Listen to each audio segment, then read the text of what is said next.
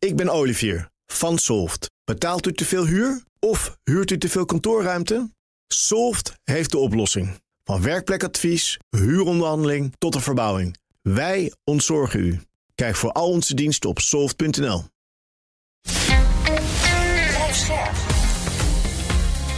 BNR Nieuwsradio. Boekenstein en de Wijk.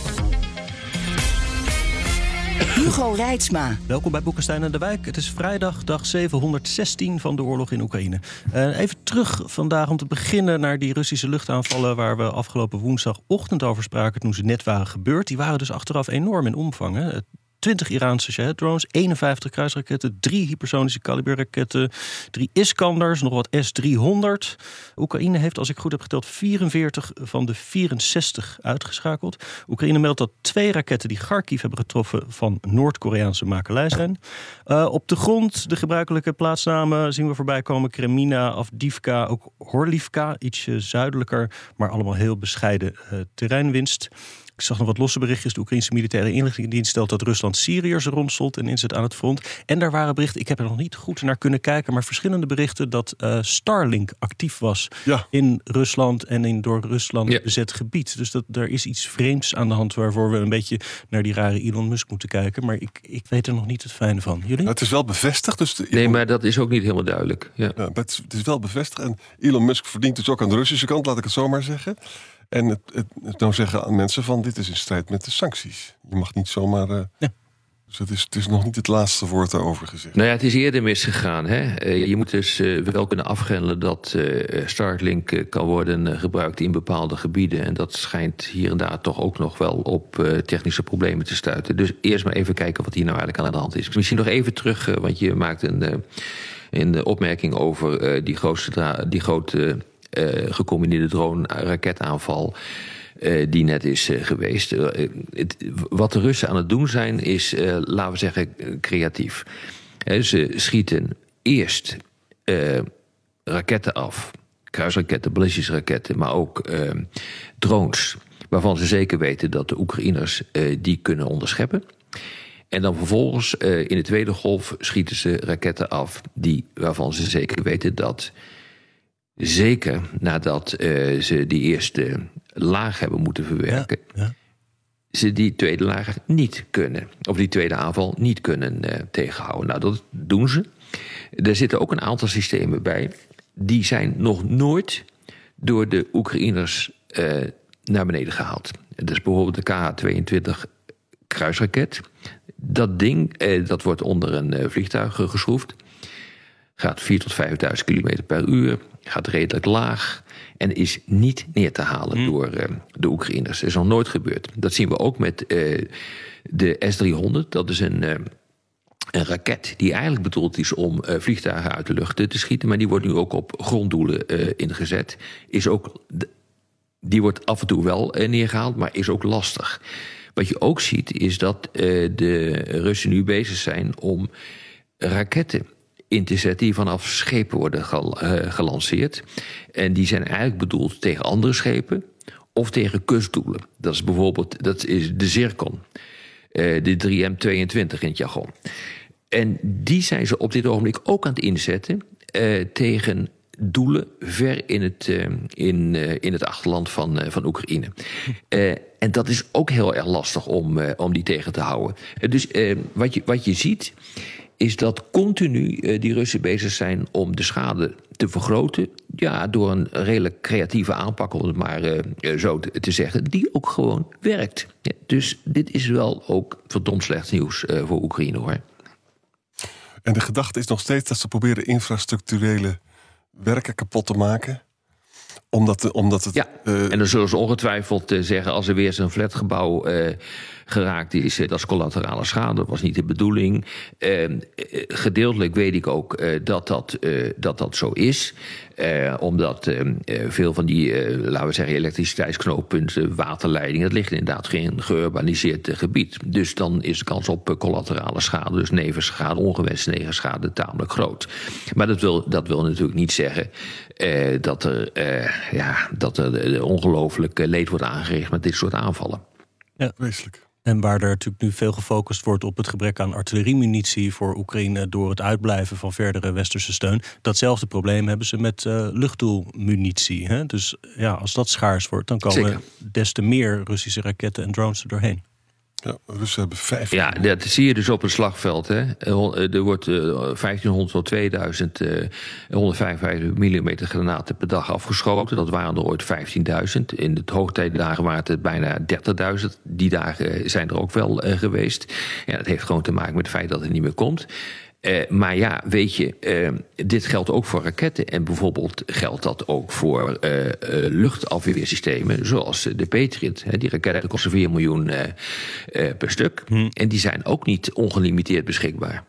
Jij zei daarover, Rob, dat die Patriot ook mogelijk was ingezet om dat vliegtuig uit de lucht te schieten. Waarbij dan de Russen weer zeiden dat er Oekraïnse krijgsgevangenen aan boord zaten. Exact, daar komen nu steeds meer berichten eh, over eh, naar boven. En eh, dat is op zich wel interessant, eh, want ze hebben inderdaad zo'n Patriot-systeem kennelijk, wat we er nu van weten, naar voren geschoven. Die zijn dus bedoeld voor de verdediging van steden. Mm en daarmee is inderdaad dit Russische vliegtuig, die Ilyushin 76 vliegtuig is uit de lucht geschoten boven, uh, boven uh, Russisch grondgebied. Uh, in ieder geval is het vliegtuig op Russisch grondgebied neergestort. Ja. we hebben natuurlijk dis discussie na discussie gehad over het escalatierisico. Als je dit zou gaan doen. De Amerikanen willen dit niet. Die er is niet dat westerse wapens worden ingezet buiten Oekraïne. Dat, dat is het punt. Hè? Dus dat mag alleen richting bezet gebied. Dat is dus nu wel gebeurd met die Patriot. Ja. Dus uh, achter de schermen uh, zie je dus nu dat uh, daar toch even stevig over wordt gesproken tussen de Amerikanen en de Oekraïners. Van dat, dit is niet helemaal uh, de, de bedoeling, om het maar eufemistisch te zeggen. Tegelijkertijd geven de Amerikanen er niet veel rugbaarheid aan. Nee. Lang verwacht, toch gebeurd. Zelensky heeft Saluzny ontslagen, zijn hoogste generaal. Ja, dat is toch wel even iets waar we stil mee moeten staan. Hè? is vervangen door Alexander Sirski. Hè? Sirski is heel dicht bij uh, Zelensky. Chef van de landmacht was die volgens mij toch? Hij was betrokken bij de, de, de, de defense van Kiev. Hè? Ja. En, en, en trouwens ook bij het uh, tegenoffensief bij Kharkiv, wat heel succesvol was uh, laat 2020. Uh, Bagmoed zat hij ook. Ja, nee, dus het is een hoge piep. Ja. Yep. Is, is overigens wel een probleem, want de Amerikanen vonden dat hij, dat, ze, dat hij het in het zuiden zou moeten doen. En Bagmoed was dus was verkeerd. En dus ook zo, hij is niet zo heel erg populair, die Sirske, want soldaten zeggen dat hij nogal onverschillig is voor soldatenlevens. Hè? Hm. Klopt ook wel een beetje, want Zelensky... De, de slager wordt hij genoemd. Ja, de slager. De slager wordt hij genoemd. Hè? Hm. Zelensky wilde dus spectaculaire resultaten hebben. Hè? En die kan met Sirsky beter werken met, als met Soluzny... Die, die, die methodisch te werk ging. En vooral ook probeerde hm. om niet te veel soldaten uh, naar de hemel te brengen... om het zomaar eens te zeggen. Um, nou ja... Um, hij blijft misschien toch wel betrokken bij Defensie, wordt er dan gezegd. En het was ook wel goed geregisseerd, want op Telegram zegt hij van... nou ja, het is, is toch wel een behoefte aan verandering, zegt hij dan, Soesje zelf. En we moeten ons aanpassen aan nieuwe realiteiten. Hè. Dit blijft gewoon een, uh, een gok. Want hij is, Solution is erg populair andere kant zeggen mensen ook wel weer... zo'n radicale breuk is het nou ook voor niet. Wat wel het verschil is, Sirkis is acht jaar ouder dan Salusny. En die is dus in Moskou, heeft hij het allemaal geleerd. Hè? Dat is nog zo'n man van, uit de Moskou-tijd. Hm. Uh, hij heeft bijvoorbeeld ook, weet je, gedaan, Motion heeft hij onder water gezet. Weet je, bij het noorden van Kiev. Omdat Kiev dreigde te vallen. Oh, ja, dus ja, inundaties hebben ze toen gedaan. Hè? Dat was natuurlijk een hele slimme toestand. Ja, ik, uh, ik weet het niet, jongens. Het is een gok. En uh, het grootste probleem is natuurlijk. Nou, het is meer dan dat. Ja. Het is meer dan dat, vind ik, uh, Jan. Uh, want dit doe je niet als het slecht gaat. Het is paniekvoetbal. Ja. Voor zover ik het echt kan, kan bekijken, is het gewoon paniekvoetbal. Als ik ook zie er is een hele reeks uh, generaals genoemd. Uh, die allerlei gevechtsfuncties hebben op dit ogenblik. die worden teruggehaald. Die krijgen andere functies in de generale staf. Dus een enorme herschikking aan de gang. Je kan je nog herinneren dat het zo waardeloos ging met de Russen in het begin. Die waren ook wat herschikken, weet je nog? Poetin die had toen niet eens. Ja, toen Poetin had niet eens een, een commandant aangesteld. Want die dacht, nou, dat rollen we allemaal wel op. Die Oekraïners binnen een paar dagen. Dus dat hoeft allemaal niet. vervolgens hebben we gezien dat er oeverloos geschuift is met generaals. Die zijn, eh, die zijn uh, ontslagen, nieuwe zijn benoemd en die werden vervolgens weer ontslagen. En dat is allemaal een teken dat het niet goed gaat. En dit is ook een teken dat het niet goed gaat. Want uh, Zelensky die zegt van, uh, ja nee, we hebben echt successen nodig. Nou kan je melden dat dat nu ook niet gaat lukken. Want er zijn gewoon een aantal structurele problemen. mankracht is er één. grote probleem om 500.000 man extra te werven. Maar ook het munitieprobleem is, is echt nijpunt. Ziski die moet wel uitermate geniaal zijn. Die zal asymmetrisch moeten reageren, net zoals Aluzny. Dat heeft gedaan met raketaanvallen. Niet op het front, maar juist op andere plekken, bijvoorbeeld in Rusland. Daarmee zou je dan nog iets kunnen doen. Maar het nijpende probleem van, dat van die munitietekort, die, die, kan, die kan hij ook niet nee. um, oplossen. Nee. Um, en nou, denk ook dat die dus, hele uh, mobilisatie. Ik denk dat het niet veel uitmaakt. Ja, die hele mobilisatiewet heeft nu die eerste lezing hè, in het parlement. Dat is politiek ontzettend explosief. Want er zijn een heleboel Oekraïners die willen helemaal niet vechten. Die is aangenomen, toch, die mobilisatie? Nee, nee, het is alleen maar een eerste lezing. Nu komen nog allerlei amendementen. Want sommige mensen willen dus dat er veel minder mensen worden opgeroepen. Maar de oh ja. militairen zeggen we hebben 500.000 man nodig. Dat, dat, is ook een splijt, uh, splijting in die hele samenleving. Hè? Ziet er niet goed uit hoor. Ja. Hm. Nou, dan moeten we ook over Tucker Carlson even Oh praten. ja, die Fox News knakker. Ja. Die onterecht journalist wordt Heb je het, genoemd. gele- uh, heb je het gezien? Ja, ik heb het gezien. Ik heb het gezien. En ik heb ook de... de ik heb er ook even ja. naar gekeken. De, de ja. perceptie hiervan, ook in Rusland, is het natuurlijk... Dit is zo'n overwinning voor uh, Poetin. Dan moet je je voorstellen, je Hmm. zit daar dus met die gekke Tucker Carlson. Hè? Nou, voor Poetin, hij straalt nu ein. Amerika realiseert zich dat ze eigenlijk de oorlog verloren hebben. Want Tucker is heel dicht bij de next president, Trump. Hè? Hmm. Uh, en en uh, hij is een soort envoy van Trump.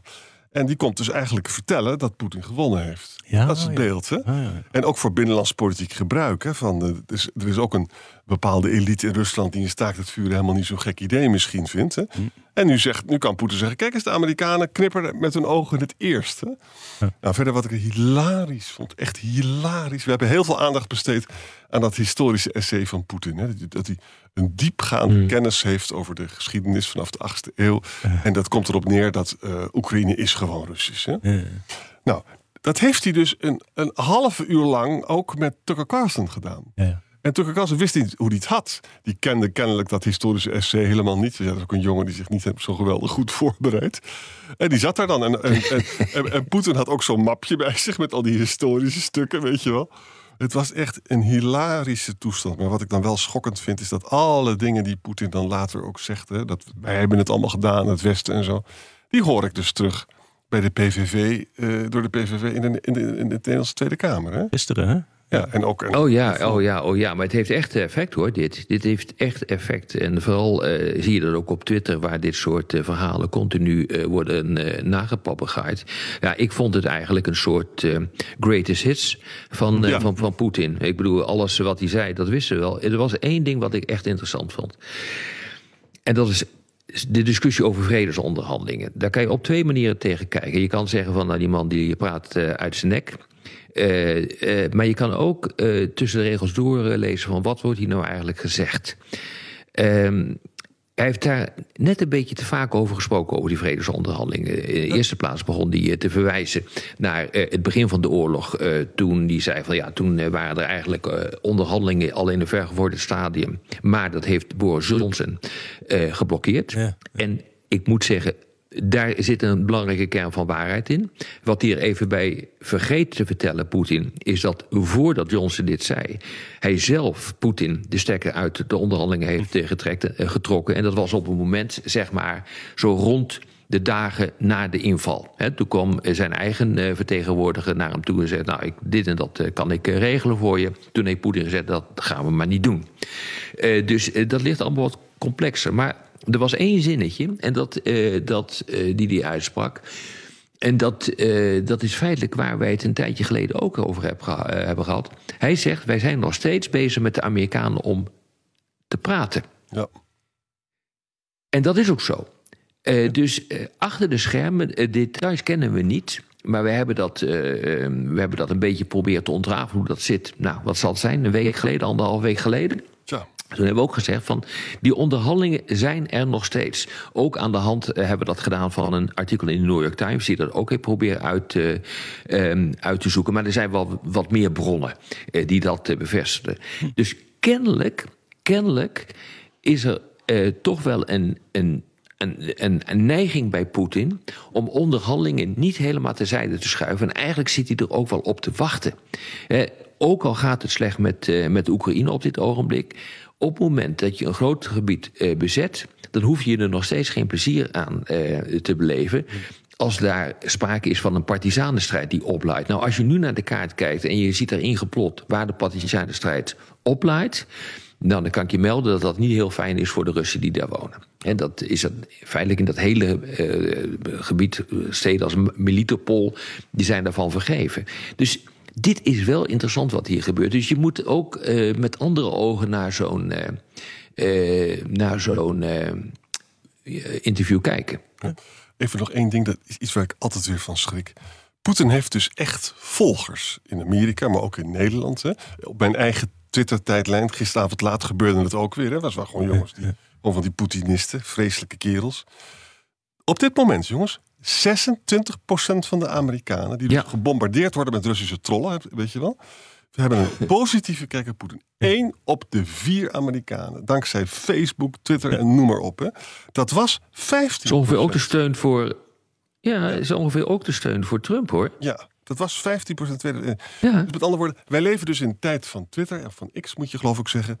En dat is ongelooflijk succesvol. Uit wetenschappelijk onderzoek blijkt ook van als Hugo vindt dat uh, vaccins uh, allemaal onzin of gevaarlijk zijn. Nou, vervolgens gaat hij dan op Google kijken of dat wel echt waar is. En dan is het gewoon zo dat hij het alleen. Dan krijg je het bevestigd. Ja. ja. Dat, zo werkt dat dus.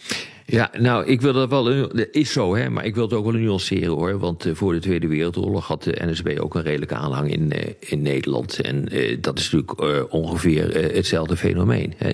Die vond het ook prima wat er allemaal in Duitsland gebeurde. Je hebt altijd delen van de bevolking die dit oké okay vinden. Ja. Alleen als het te groot wordt, heb je een probleem. Hm.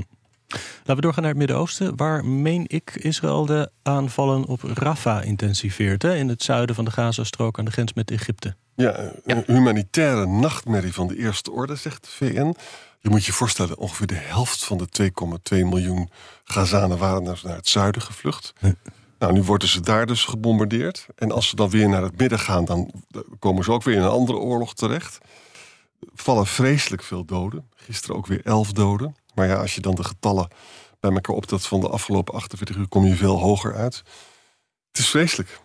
Het is echt vreselijk. Nou ja, humanitaire hulpverleners die zeggen ook uh, van uh, wat gaat er naar Rafah gebeuren? Gaan we dan, uh, gaat Israël dan de zee bombarderen? Hè? Ja. Want op deze manier blijft er tamelijk weinig over van, van, van, van de Gazastrook. Ja, en Blinken was weer in het Midden-Oosten, heeft weer van alles geprobeerd, maar niks is gelukt. En Netanyahu ja. zegt: Ik wil gewoon doorgaan tot een volledige overwinning op Hamas. Moet je voor hoe erg het was. Blinken ging dus met het Hamas-voorstel, nam die mee naar Netanyahu toe. Er kwam niks uit. Netanyahu stapt in zijn auto en gaat een, ergens een speech houden, terwijl Blinken nog in het land is. En zegt hij van ja, de overwinning is within our reach. Hè? We kunnen we binnen, binnen een paar maanden kunnen we winnen. Dus we hoeven dat allemaal niet aan te nemen. Nou, A, is dat niet waar. Maar B, het is natuurlijk een ongelofelijke schoffering van Blinken. Hm. En dat moet toch doorgaan sijpelen. Het moet toch zo zijn. Je kan toch niet de Amerikaanse minister Buitenlandse Zaken zo, be zo behandelen? Biden heeft er ook weer hard op gereageerd. Nou, ja, Hij heeft iets gezegd van die aanvallen van Israël zijn Biden, over de top. Ja. Afgelopen nacht ja, is dat mee. Exact, exact. Exact. Kijk, in, in zekere zin heeft, uh, heeft een punt. Alleen uh, hij, brengt het wel slecht. Kijk, hij heeft het over de idiote eisen van Hamas. en dan zegt hij ja, terugtrekken van Israëlische troepen uit Gaza.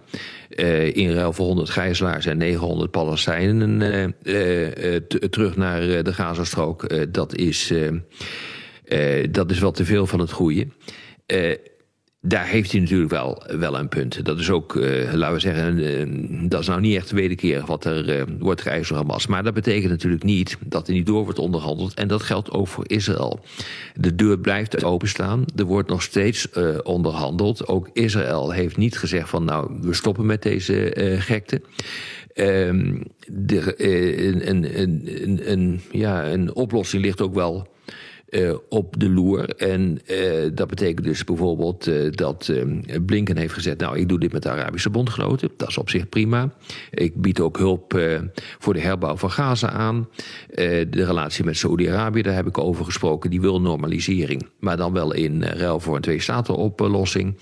en er komt inderdaad een Palestijnse staat... inclusief een Palestijns bestuur in Gaza. Dus er liggen allerlei ideeën waar uiteindelijk uh, Israël denk ik in belangrijke mate mee akkoord moet uh, gaan. Alleen voor uh, Netanyahu is de vraag, wanneer ga ik dat dan doen? En wanneer heb ik zoveel succes geboekt dat ik me dit kan permitteren? Ik denk inderdaad dat dit over de top is en dat hij niet veel verder komt in zijn, in zijn sloop met Hamas. En heeft politiek zit hij vast, hè? want dus die rechtsradicalen in zijn regering willen dat er geen enkele Palestijnse terrorist, zoals hij het noemen, wordt, wordt vrijgelaten. Dus met andere woorden, als hij tot een staakt het vuren komt, dan heeft hij ook een kabinetscrisis. Aan alle kanten zit het gewoon vast. Nog wat meer harde woorden zag ik van Volker Turk, mensenrechtencommissaris van de Verenigde Naties. Die heeft gezegd: het maken van die bufferzone door Israël in de Gazastrook. En dus het, het slopen van huizen en het verdrijven van de burgerbevolking. Zegt hij dat is een oorlogsmisdaad. Maar het gaat wel gewoon door. Ik denk dat we nog even moeten kijken naar... Ik denk dat het ook zo is, ja. Hè, waar de, de VS, de leider van Kataib Hezbollah... die uh, pro-Iraanse militie hebben uitgeschakeld. Klopt dat, weet je? Ja, zeker. Dat is gebeurd met een uh, droneaanval. Uh, met, en die droneaanval is uitgevoerd door de Special Forces van, van Amerika. Ja. Ja, die leider van uh, Qatar Hezbollah die is uh, daarbij om het leven gekomen. Nou ja, harde woorden, dat is nog een understatement hoor. Mensen gaan natuurlijk de straat uh, in, op in Bagdad en zeggen... Amerika moet onmiddellijk verdwijnen uit, uit dit land. Ja. ja. Die spanning loopt maar op, hè? En trouwens ook in dat Koerdische kamp in het noordoosten van Syrië... is ook weer een aanval geweest door Iraanse proxies. Zes soldaten, ik denk dat dat Koerden waren... Uh, maar ja, dat is natuurlijk ook uh, een onhoudbare toestand. Hè? Dit zijn dus nog steeds Amerikaanse aanvallen in vergelding van die, die drie Amerikanen die zijn gedood bij die aanval uh, aan de grens met Jordanië. Maar dit dreigt zich nu eigenlijk tegen de VS te keren, omdat men in, in bijvoorbeeld Irak vooral zegt van. Wacht, dat, u moet weg. Ja. dan moeten die Amerikanen maar weg. Want ja, maar dat was wel het geval. Dat heeft het versneld. Ja, maar het heeft het versneld. dus uh, die eh, discussie was er al. De pro-Iraanse fracties in het parlement waren er al lang mee bezig. toen kwam de dood van die drie eh, Amerikaanse soldaten in, het, ehm, in, in, uh, in een compound die op de grens lag van Syrië en uh, Jordanië. Dat heeft geleid tot die vergeldingsactie. Maar daarvoor was er al een discussie over het afbouwen van de Amerikaanse aanwezigheid in, in Irak. En dat had ook grote consequenties dan voor de aanwezigheid van, van Amerika in Syrië, omdat de logistiek via Irak loopt. Dus de Amerikanen waren er op zich wel voor om dat te, te doen. maar willen dat natuurlijk niet uh, onder dwang doen. Uh, want dat betekent dat, net als in Afghanistan, uh, Amerika een uh, zeepert heeft gehaald, waardoor de positie van Amerika mondiaal ook verzwakt. Nou, nu zegt Amerika nou, dat heel veel van die doelwitten die ze zouden willen ehm, vernietigen, die zijn vernietigd. 80 van de 85. Ja, weet je, dat zal allemaal wel, maar dat zijn getallen. Maar daarmee maak je natuurlijk Qatar Hezbollah geen kopje kleiner. Het is hetzelfde probleem als wat uh, hoe noemen we hem, uh, Netanyahu heeft in, uh, in Gaza. Die kan doorbombarderen totdat hij in ons weegt.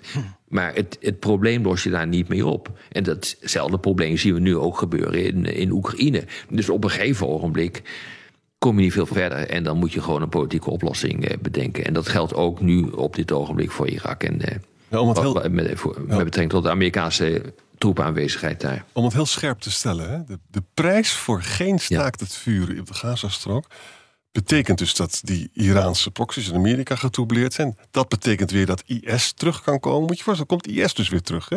En de Rode Zee wordt bestookt met raketten. Dus het is de, de, de prijs is ontzettend hoog voor het gedrag van Netanyahu. En de Amerikanen zouden. Nee, daar heb je helemaal gelijk in. Ja. Ja, daar heb je helemaal gelijk in. Uh, want uh, overal zien we dus nu de discussie ontstaan dat de IS weer terug kan komen. Ja. Dus wat er, wat er. Kijk, die Amerikanen die zaten daar. Ja, eigenlijk ook met een stilzwijgende instemming van, uh, van Iran in Syrië en Irak. omdat zij IS ja. bevochten. Ja. Dat, dat was de reden waarom ze daar zaten. En IS is de vijand uh, van de Irakese regering, uh, van de Syrische regering en van de Iraanse regering. Dus wat er nu gebeurt, is je, je creëert als die Amerikanen daar weggaan een nog ja. grotere chaos in dat gebied dan, dan, dan dat er al is. alleen maar omdat het een, een politieke no-go is dat die Amerikanen daar zitten. Ja, weet je, dit is ja, dit is echt chaos, om het maar zo te zeggen, waar ook helemaal niks meer van te bakken valt. Dit jaar is gewoon Israël first. Daar komt het Dank jullie wel. Morgen praten we met PvdA-europarlementariër Thijs Reuten over een wereld zonder Amerika. Spannend. Mooi. Ja. Tot morgen, jongens. Tot morgen.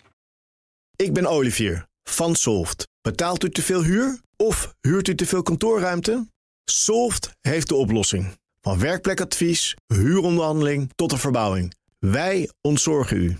Kijk voor al onze diensten op soft.nl.